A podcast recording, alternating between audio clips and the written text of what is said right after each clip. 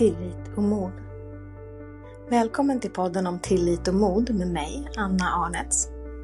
En plats att reflektera över djupet och vidderna inom oss.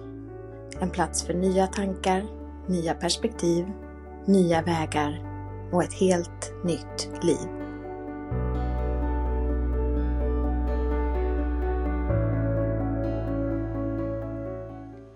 Jag brukar säga att jag lever med modets hastighet. Till skillnad från att leva med tankens hastighet. Och när jag ser tillbaka på mitt liv och jag vet att andra ser det också, så går mitt liv väldigt fort.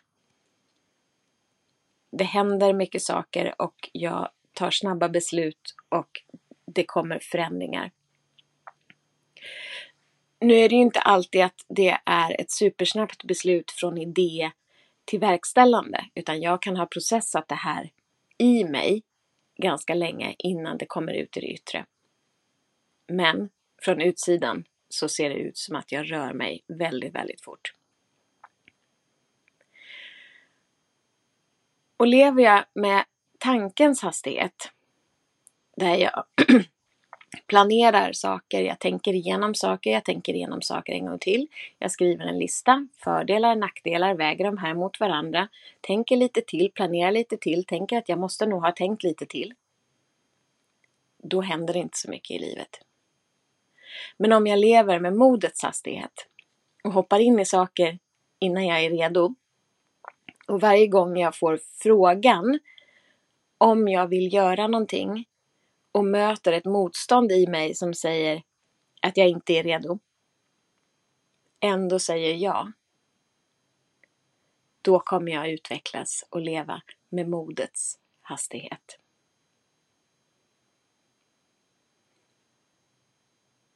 För några dagar sedan så var jag inbjuden till ett samtal i en Instagram live eh, för att prata med en engelsk coach som jag lärde känna i förra våren. Eh, vi var med i en gemensam mentorgrupp och eh, en av frågorna jag fick var Vad är det modigaste du har gjort? Och det som kom då var att det modigaste jag har gjort det är att visa vem jag är att visa mitt sanna jag och inte hålla tillbaka, eh, inte lägga på filter, inte vrida och vända på det jag säger eller skriver. Och att låta allting få synas. Och det låter ju egentligen helt bisarrt. Men jag tänker att vi är så många som lever så. I den där tron att jag är inte tillräcklig som jag är.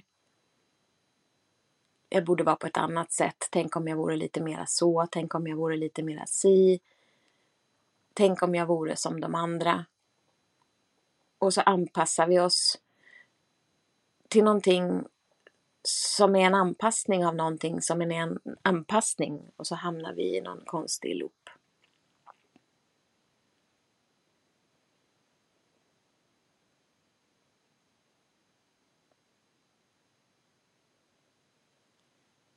Och att vara modig, det är ju inte att bara göra saker utan att vara rädd.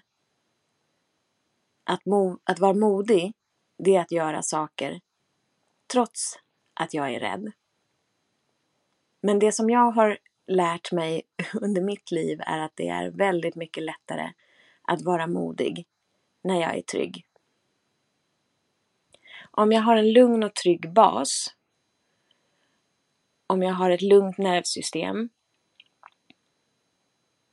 om jag är säker på att jag är trygg i mitt sammanhang av människor, om jag är trygg med min ekonomi, så är det väldigt mycket lättare att vara modig och ta de här stegen ut i det okända utan någon som helst garanti om var jag kommer att hamna.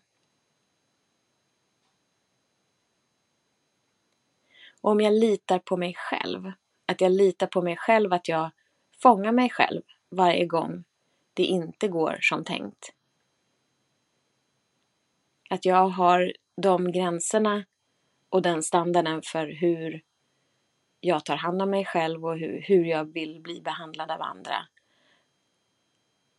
Att jag vet att jag alltid kan komma tillbaka till mig själv och resa mig igen om det inte skulle gå som jag tänkte.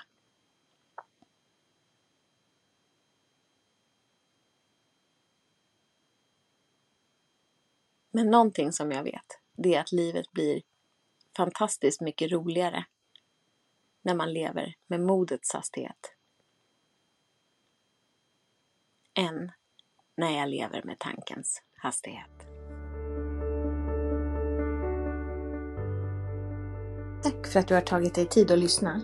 Jag hoppas att mina tankar har väckt nya tankar i dig och att du genom att reflektera över vad de väcker i dig sprider nya ringar på vattnet runt omkring dig. Med all min kärlek från mig till dig.